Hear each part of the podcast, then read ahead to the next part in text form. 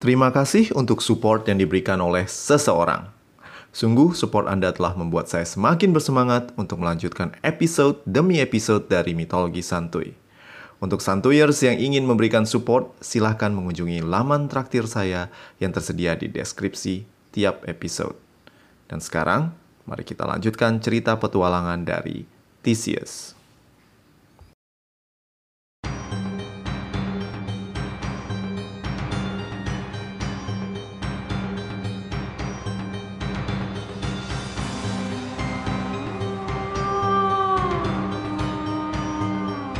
Peninggal Medea, keadaan jauh lebih baik untuk Athena. Aegeus bisa menarik nafas lega karena tahta Athena akan diteruskan oleh darah dagingnya sendiri. Well, of course jika dia beneran bokapnya Theseus. Karena seperti Stantuyers dengar sendiri, kalau Poseidon juga ikut ambil andil di malam 17 tahun yang silam. Tapi of course, Aegeus memilih untuk percaya kalau Theseus adalah anaknya. Hanya saja dirinya tak mengerti kenapa Aetra tidak mengabarkan tentang keberadaan Theseus kepadanya selama ini. Apakah Aetra memilih mengungkap identitas Theseus pada saat dia dewasa dan kuat untuk memindahkan batu besar seperti instruksi Aegeus? Ataukah ada alasan lain? Sekarang Aegeus tak punya lagi keraguan bahwa Theseus adalah pewaris tahtanya. Siapa yang ragu sama pahlawan pembasmi bandit, penakluk sapi jantan, pelindung Raja Athena dari ancaman Medea dan naga apinya. Penduduk Athena menyambut dengan meriah niat Aegeus, dan jujur saja mungkin mereka lebih senang dipimpin oleh Theseus sebagai raja daripada Aegeus. Ya habis gimana? Aegeus nggak jahat atau tiran sih, tapi ya nggak keren aja dan cenderung lemah. Tentu saja di balik penerimaan rakyat Athena, ada aja pihak yang nggak senang dengan kabar baik ini.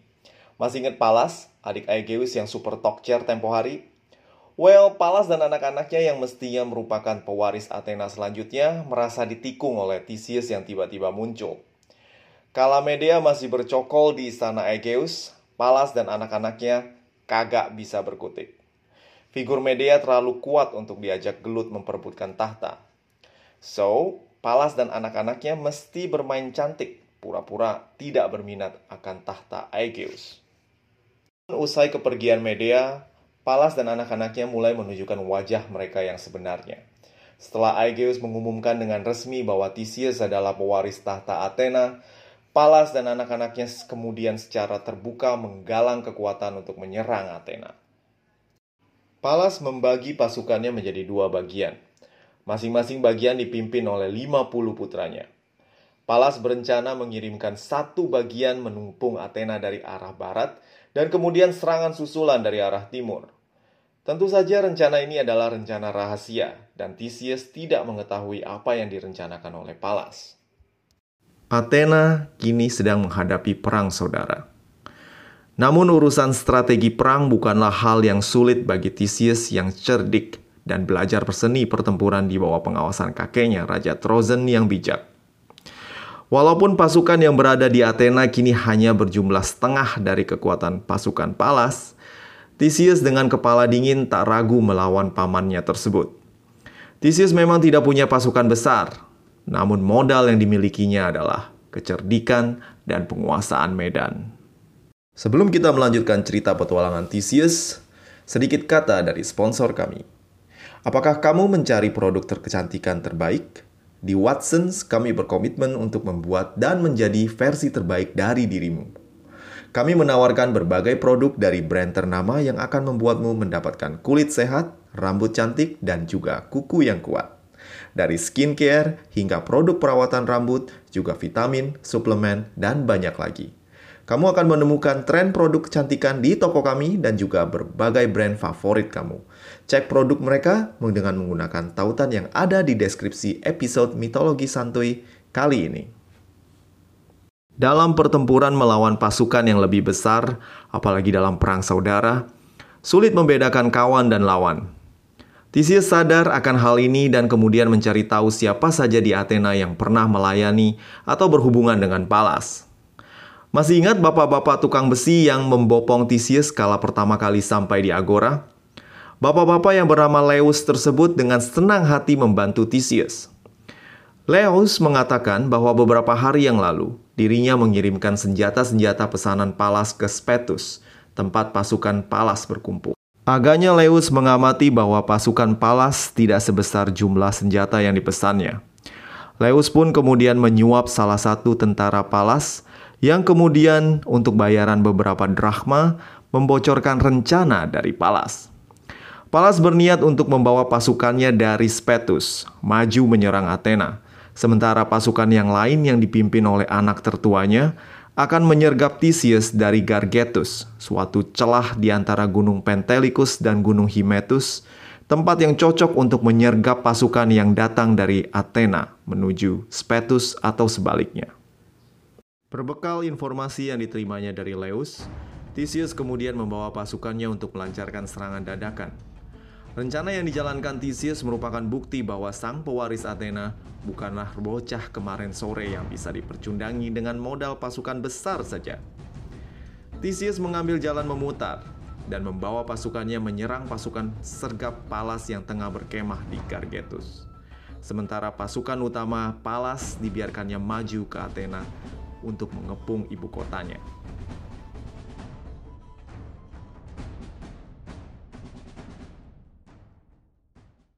Pasukan sergap Palas yang dikomandoi oleh anak-anak Palas tidak menduga serangan Theseus, dan pasukannya dipukul mundur dengan kekalahan yang amat besar. Theseus kemudian melanjutkan serangan kepada pasukan Palas yang tengah mengepung Athena. Palas diserang dari dua arah, dari belakang dan kemudian dari arah kota Athena, karena pasukan pertahanan kota Athena tiba-tiba membuka pintu gerbang dan mulai menyerang pasukan Palas. Terjepit dari dua arah, akhirnya pasukan Palas menemui akhir yang sama dengan pasukan anak-anaknya. Theseus yang tidak ingin mengambil resiko menghukum mati paman dan seluruh sepupu-sepupunya yang selamat. Pemberontakan Palas dan anak-anaknya gagal, dan posisi Theseus sebagai putra mahkota Athena semakin kokoh. Usai mengalahkan Palas, tak ada lagi ancaman bagi Theseus dan Athena. Namun atmosfer dan nuansa suram tampak terlihat di wajah setiap penduduk Athena. Theseus yang walaupun putra mahkota kerajaan Athena belum bisa menghilangkan kebiasaan jajan di pasar setiap pagi. Ketika jajan suflaki di Agora Athena, dirinya agak heran dengan tampang murung para pedagang dan orang yang lalu lalang. Theseus yang heran dengan kondisi ini kemudian bertanya kepada ayahnya. "Pak, tadi gue ke pasar, Kok muka orang-orang pada galau melankolis gitu ya? Perasaan Athena sekarang makmur dan aman, nggak ada bandit, sapi liar, atau serangan dari Palas dan anak-anaknya. Semua bisa dagang, bisa nongkrong. Tapi kenapa pada galau gitu ya? Kenapa ya Pak ya? Oh, bentar. Bapak cek kalender dulu. Ah, pantas. Eh, waktunya ngasih upeti lagi ke kereta. Upeti? Upeti apaan ya pak? Masa kerajaan sekuat kita mesti ngasih upeti? Lah, lu gak tahu ya? gak ada yang ceritain. Ah iya ya. Lu semenjak datang ke Athena udah sibuk sih. Sana kemari. Hei, panjang sih ceritanya bikin kesel juga. Mang ada apaan sih, Pak? Tanya Theseus yang semakin penasaran melihat ayahnya tampak begitu kesal bercampur sedih tak berdaya. Hmm, gini, semua karena kejadian beberapa tahun lalu. Raja Minos, penguasa pulau kereta yang terkenal berangasan itu, ngirim anaknya ke Athena, Androgeus namanya si bocah tolol bin songong Minos ngirim anaknya kemari buat belajar dan ikutan lomba olimpiade. Kayak bapaknya ini anak rada belagu. Terus kenapa dia, Pak? Well, si Androgeus ini ya, ikutan lomba. Emang sih dia jago.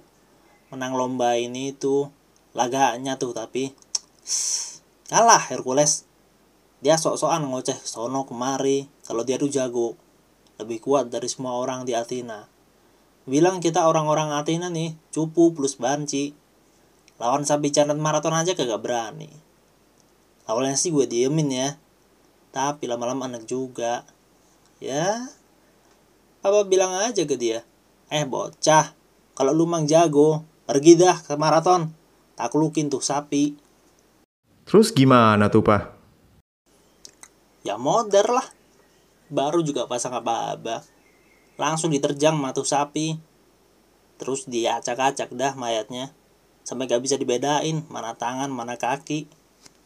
Ya elah, bego. nah itu dia.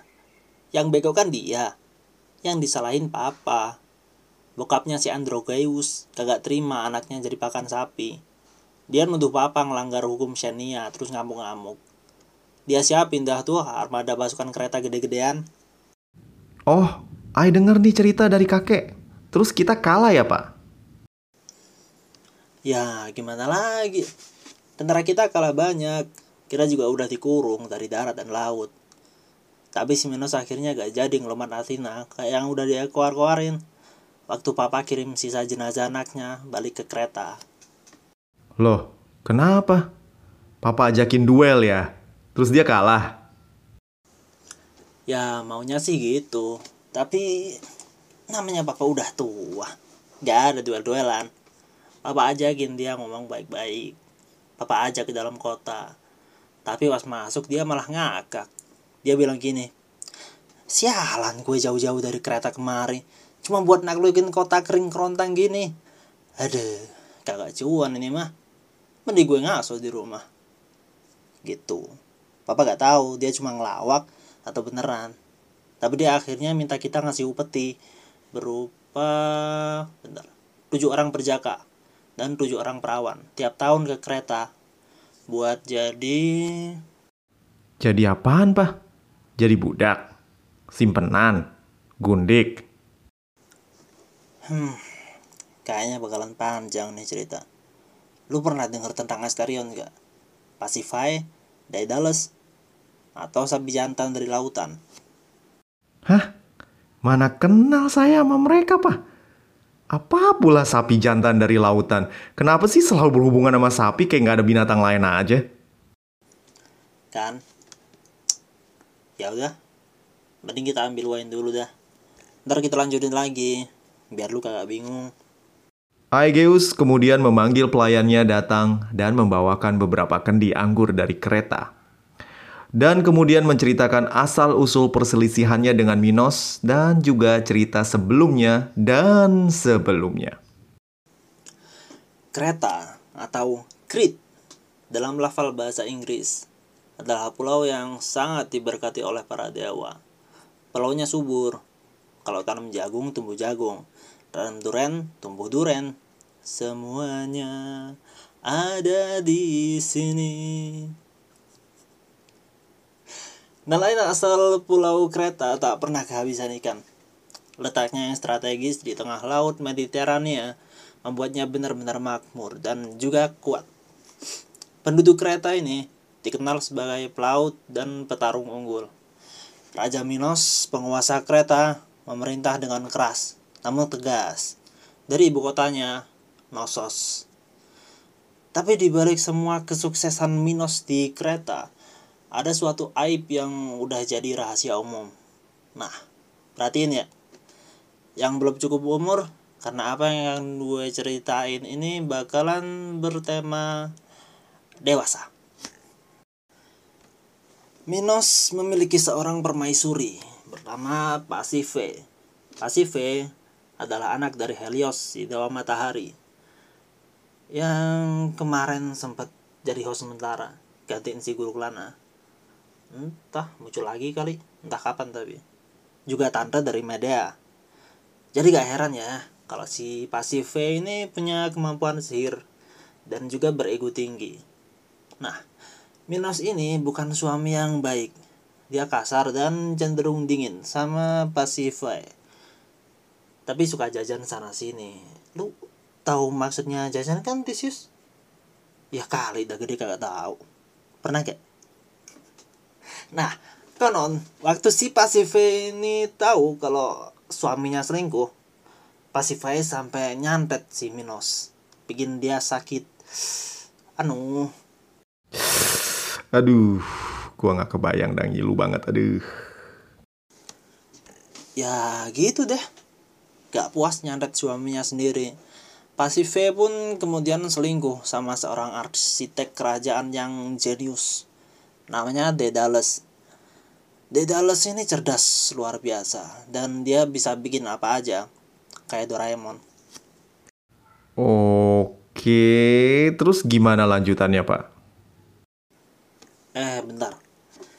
Kayaknya papa salah urutan ceritanya deh. Gini-gini. Tahu Eropa kan? Eropa yang dikawinin sama Zeus yang jadi sapi. Ya elah, lagi-lagi sapi. Betul. Nah, Eropa melahirkan anak yang namanya Minos. Kakek dari Minos yang sekarang. Biar gak bingung, sebutlah Minos yang ini Minos senior. Nah, si Minos senior ini kemudian jadi salah satu hakim alam maut. Minos senior punya anak namanya Asterion. Asterion punya anak namanya Minos juga, Minos yang sekarang. Asterion ini penguasa pulau Kreta dan Minos jadi pewaris. Tapi adik-adik Minos gak suka, Minos jadi raja. Minos yang baru aja jadi raja setelah Asterion meninggal Kemudian minta Poseidon memberikan restu buat dia. Tapi bukan sembarangan restu. Minos di depan saudara-saudaranya meminta tanda kepada Poseidon. Gini. Oh, tuanku Poseidon, jika engkau berkehendak hambamu ini menjadi penguasa kereta, kirimkanlah seekor sapi jantan dari lautan. Kenapa sih orang-orang sini pada fetish sama sapi semua? Shh, jangan motong ah. Orang tua lagi ngomong juga. Ntar lupa. Eh iya, maaf pak, maaf, maaf, maaf. Lanjut, lanjut, lanjut. Dari mana tadi? Uh, Oke. Okay. Minos berjanji bahwa setelah Poseidon mengirimkan sapi jantan tersebut, maka dia akan mempersembahkan sapi itu kepada Poseidon. Poseidon pun mengirimkan seekor sapi jantan yang tiba-tiba berlari keluar dari laut. Aneh, ya udahlah. Sapinya gagah dan sempurna. Saking sempurnanya, Minos yang pelit dan gak tahu terima kasih, kemudian menukar sapi jantan itu sama sapi biasa yang lebih kurus, buat dipersembahkan ke Poseidon. Ya elah, dewa aja pengen ditipu. Gile juga nih orang. Lu mau denger cerita apa-apa gak sih? Komentar. Panjang nih cerita. Sorry, sorry, Pak. Ya elah galak amat. Minum dulu, minum. Bentar.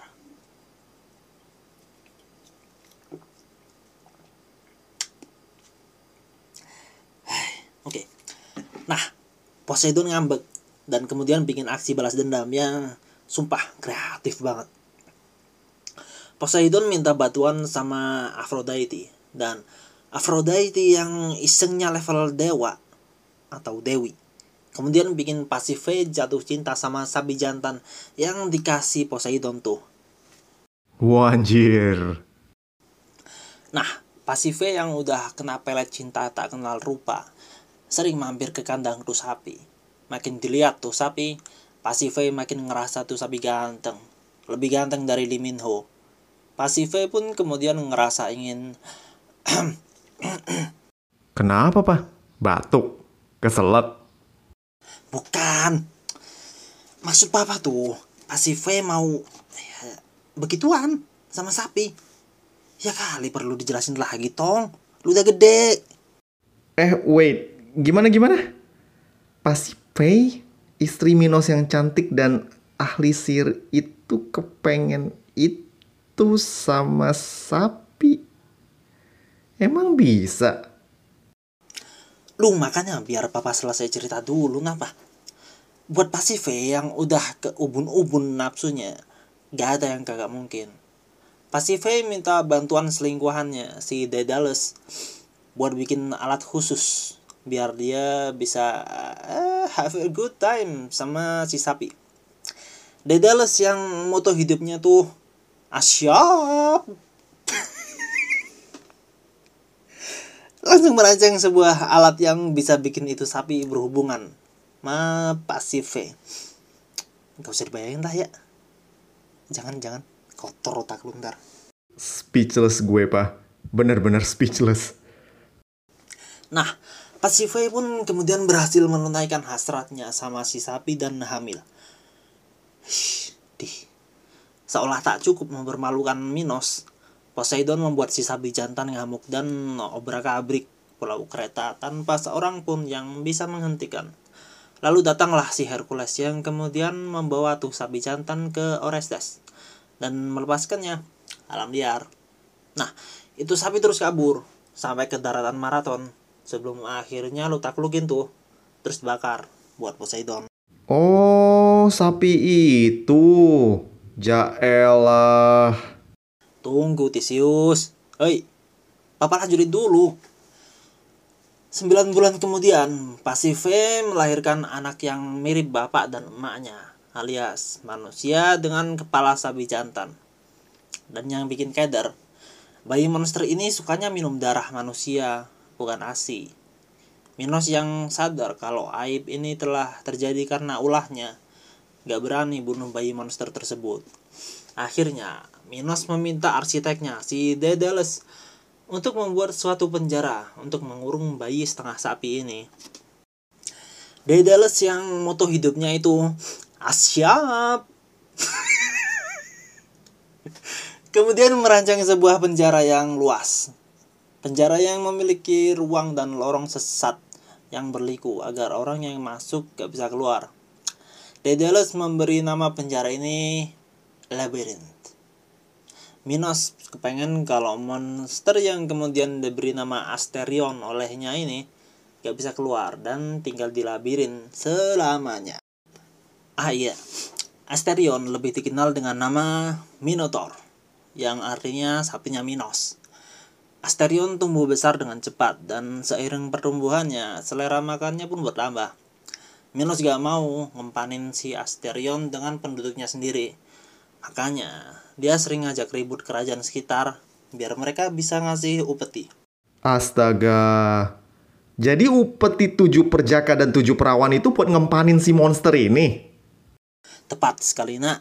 Nah, itulah kenapa usai kita kalah perang sama Minos, tiap tahun kita mesti ngirim tujuh perjaka dan tujuh perawan buat dia. Makanya para penduduk pada muram semua. Soalnya sebentar lagi kita bakal ngundi nama para keluarga yang akan nyumbang upeti buat si Asterion ngeselin sih tapi gimana lagi kita belum cukup kuat buat ngelawan Minos Mendengar bagaimana ayahnya seolah tak berdaya dan membayangkan pemuda-pemudi Athena harus menjadi pakan Minotur, Theseus terbakar emosinya dan kemudian bangkit. Tidak bisa dibiarkan. Kita harus menghentikan kegilaan ini. Kita harus bertindak seperti seorang Athena sejati, bukannya manut kayak kambing conge. Wah, Theseus pun sekarang sudah ngambek dan marah. Bagaimana kelanjutan cerita dari Theseus dan petualangannya? Mari kita tunggu di episode mendatang dari Mitologi Santuy. Sampai ketemu di episode selanjutnya. Ciao.